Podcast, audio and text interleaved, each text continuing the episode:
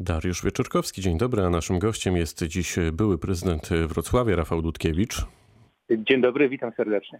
Wszystko wskazuje na to, panie prezydencie, że w najbliższych latach w Polsce nie odbędą się żadne wybory. E, jaki to będzie czas dla Polski, jak pan sądzi? Andrzej Duda wygrał wybory prezydenckie. To źle dla Polski, źle dla demokracji, źle dla państwa prawa. Przed nami rzeczywiście tysiąc dni bez wyborów. Musimy się bardzo mocno przygotować do tego, aby z jednej strony utrzymać spokój społeczny, z drugiej strony no, po prostu sprawić, że za tych tysiąc dni PiS zostanie, jeśli jak można powiedzieć, odwołany. Mocne słowa o, o panu prezydencie. Dlaczego aż tak źle, jak pan to ujął? No, polskie państwo prawa jest skruchatane.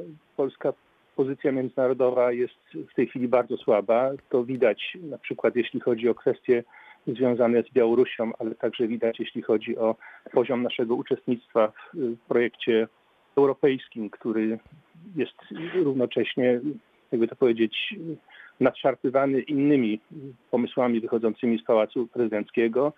Iluzoryczna współpraca ze Stanami Zjednoczonymi, to też widać na przykładzie obecnej sytuacji związanej z Białorusią, właściwie nie, nie funkcjonuje, no i tak dalej, i tak dalej.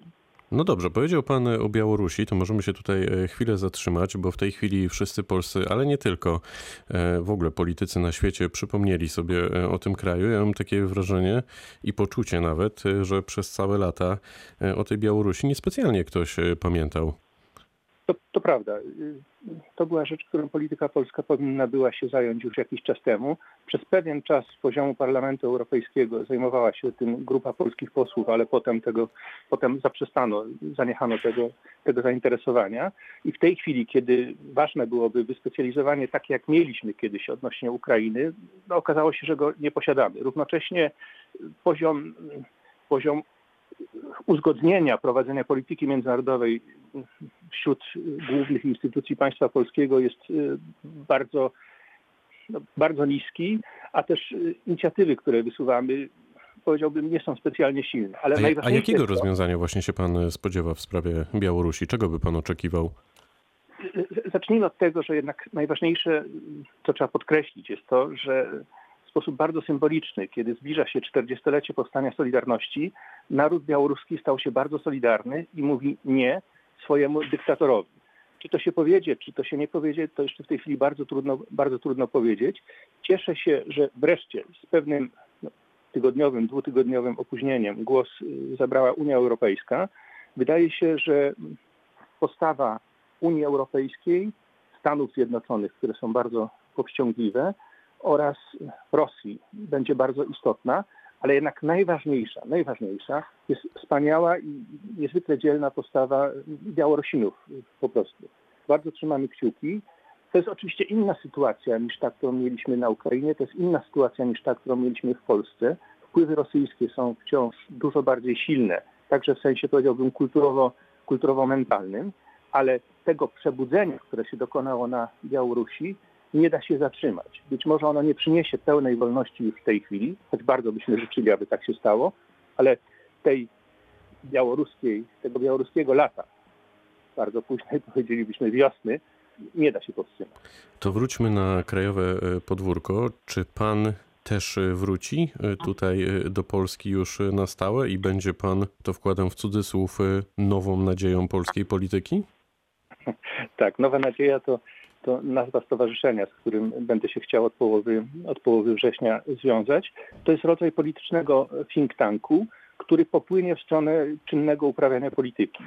Mówię celowo rodzaj politycznego think tanku i podkreślam, że my przejdziemy do aktywnego uprawiania polityki, ale mam na myśli właśnie to, od czego zaczęliśmy naszą, naszą rozmowę, mianowicie jest tysiąc dni bez wyborów. Trzeba zebrać myśli, trzeba sformułować pewne, pewne idee. Proszę zauważyć, że wybory, które się dokonywały wcześniej w Polsce, miały charakter taki powiedziałbym referendalny. Wydaje mi się, że pustka polityczna, która zapanowała w naszym kraju, wymaga napełnienia pewnymi ideami, pewną nową narracją i to powinno być zadanie tego bytu, który chcemy stworzyć, ożywić, który się nazywa Nowa Nadzieja. To Mówi pan... inicjatywa Mhm. Mówi pan, wejdziemy, chcemy. To kto jeszcze obok Rafała Dudkiewicza tworzy i tworzyć będzie to środowisko? To jest grupa moich byłych współpracowników oraz nowych osób, które się pojawiają wokół tej idei. To będą wszyscy ci, których, których zaprosimy do współpracy. Mam nadzieję, że zaiskrzy. Kto na przykład, jest... panie prezydencie? Już odpowiem. Tylko chcę najpierw powiedzieć, że inicjatywa jest lokalna, regionalna, a być może przybierze większe rozmiary. Chcę powiedzieć, że będziemy bardzo, bardzo otwarci zarówno na tych, którzy będą się chcieli z nami związać, z nami współpracować, jak i na współpracę zewnętrzną dotyczącą no, w największym sensie tego, co mam nadzieję zrobi Rafał Czaskowski, czy tego, co, co robi Szymon Hołownia.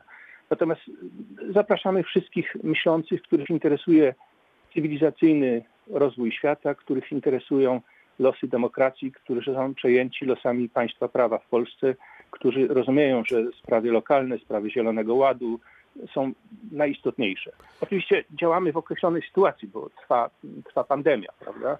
Więc sprawa bezpieczeństwa bezpieczeństwa Wrocławian, Dolnoślązaków, Polaków Oczywiście. jest sprawą najważniejszą i o tym też będziemy rozmawiać. Ale nas tutaj, jak się pan domyśla, interesują konkrety i nazwiska. Czy będzie pan sięgać, bo już pan trochę o tym powiedział, po swoich byłych przyjaciół, byłych kolegów, ale czy będzie pan sięgać po ludzi, którzy w tej chwili e, pracują we wrocławskim ratuszu, czy będą jakieś, e, no nie mówię, że transfery, ale czy będzie ich przeciągać pan na swoją stronę od Jacka Sutryka? Będzie pan im proponować wejście w ten projekt?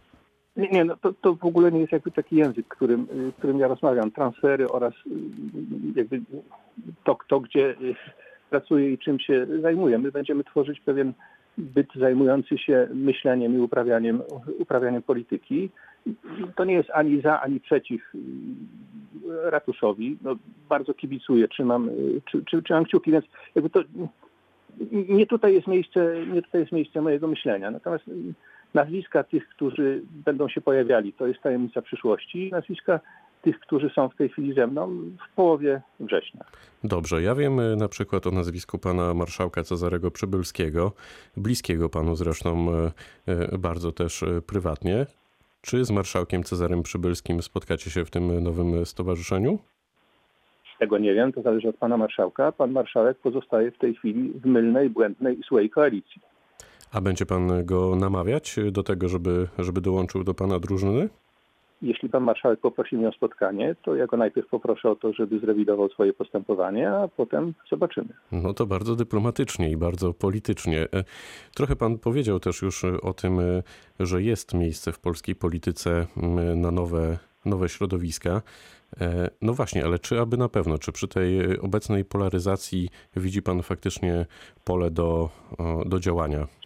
Nie, panie redaktorze, ja powiedziałem przede wszystkim, że w polskiej polityce jest miejsce na myślenie i na zbudowanie narracji.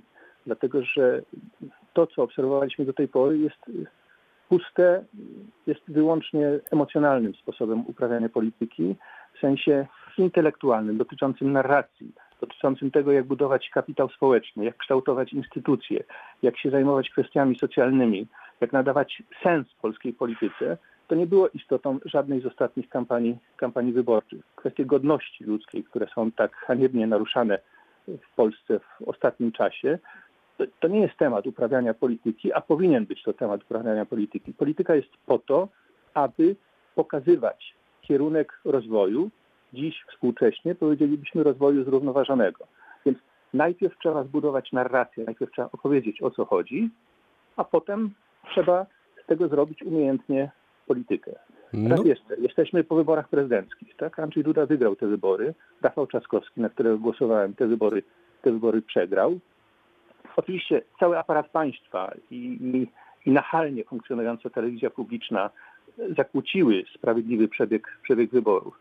Tym niemniej czas najwyższy, aby z narracją dotyczącą tego, jak ma być kształtowana Polska, wkroczyć na terytorium rywala, terytorium zajęte w tej chwili przez Prawo i Sprawiedliwość. A chciałby pan wkroczyć na terytorium rywala tutaj na Dolnym Śląsku? Jak myślimy o naszym województwie i koalicji Prawa i Sprawiedliwości i bezpartyjnych samorządowców? Tutaj widzi pan jakieś pole też właśnie dla tego nowego projektu politycznego? To myślenie, o którym mówię, dotyczy Wrocławia, Dolnego Śląska, dotyczy też Polski, więc wszystkie te obszary wchodzą oczywiście w grę. Wszędzie tam trzeba obudzić społeczną, energię Polaków. Wszędzie tam trzeba powiedzieć, że pewne rzeczy są niegodne, nie powinny się wydarzać. Jak pan w takim razie ocenia potencjał ruchu Szymona Hołowni? Czy, czy jemu uda się utrzymać to poparcie, które zbudował właśnie do najbliższych wyborów? Ja po pierwsze dobrze myślę o Szymonie Hołowni. Po drugie jest on, i proszę tego nie odbierać wartościująco, a jeśli tak to pozytywnie, Szymon Hołownia jest rodzajem społecznego marzyciela. Dopiero teraz zobaczymy, czy z tych społecznych marzeń da się zrobić, da się skroić poważną, poważną politykę. Trzymam kciuki, jestem otwarty na współpracę. A ile zostało Rafała Dudkiewicza w koalicji polskiej? Czy to już jest zamknięty etap, czy też jak myśli pan właśnie o tym think tanku, to tutaj będzie pole do współpracy? Oczywiście jesteśmy otwarci. Jesteśmy otwarci i, i życzliwie spoglądamy na to, co zrobi Rafał Trzaskowski. Tym niemniej trzeba otwarcie powiedzieć, trzeba otwarcie, trzeba twardo powiedzieć, że Platforma Obywatelska jest w stanie głębokiego, głębokiego kryzysu i od dłuższego już czasu nie była w stanie sformułować pozytywnej oferty dla Polski. A gdzie dziś jest, no właśnie, jak mówimy o Platformie, to trochę mówimy o opozycji. Gdzie dziś swoją drogą jest opozycja, panie prezydencie, jak pan na to patrzy? Jest e, troszkę zagubiona. Nie rozumie, że przegrawszy wybory powinna się e, skonsolidować, ale równocześnie szczęśliwie, nieszczęśliwie przed nami właśnie tych tysiąc dni, kiedy, kiedy, będzie, można, kiedy będzie można w sposób właściwy przygotować podejście do, do kolejnych wyborów. Oczywiście są to z punktu widzenia rozwoju Polski kolejne stracone, stracone lata, ale nad tym nie trzeba płakać, trzeba się naprawdę zabrać do pracy. Pewne ruchy, które wykonała Platforma tuż po wyborach były ruchami niewłaściwymi. Mam na przykład kwestię, mam, mam na przykład na myśli kwestię głosowania w sensie podniesienia zarobków y, polityków polskich. To jest rzecz, którą trzeba się zająć, ale na Boga w okresie pandemii, w okresie kryzysu najpierw zajmijmy się zarobkami służby zdrowia, najpierw zajmijmy się zarobkami nauczycieli, a potem wróćmy do rozmawiania na temat tego, jak zarabiają politycy i sfera publiczna. I niech to będzie puenta naszej rozmowy. Były prezydent Wrocławia, Rafał Dytkiewicz, był gościem Radia Wrocław. Bardzo dziękuję za spotkanie. Dziękuję, pozdrawiam serdecznie. Pytał Dariusz Wyczorkowski. Dobrego dnia.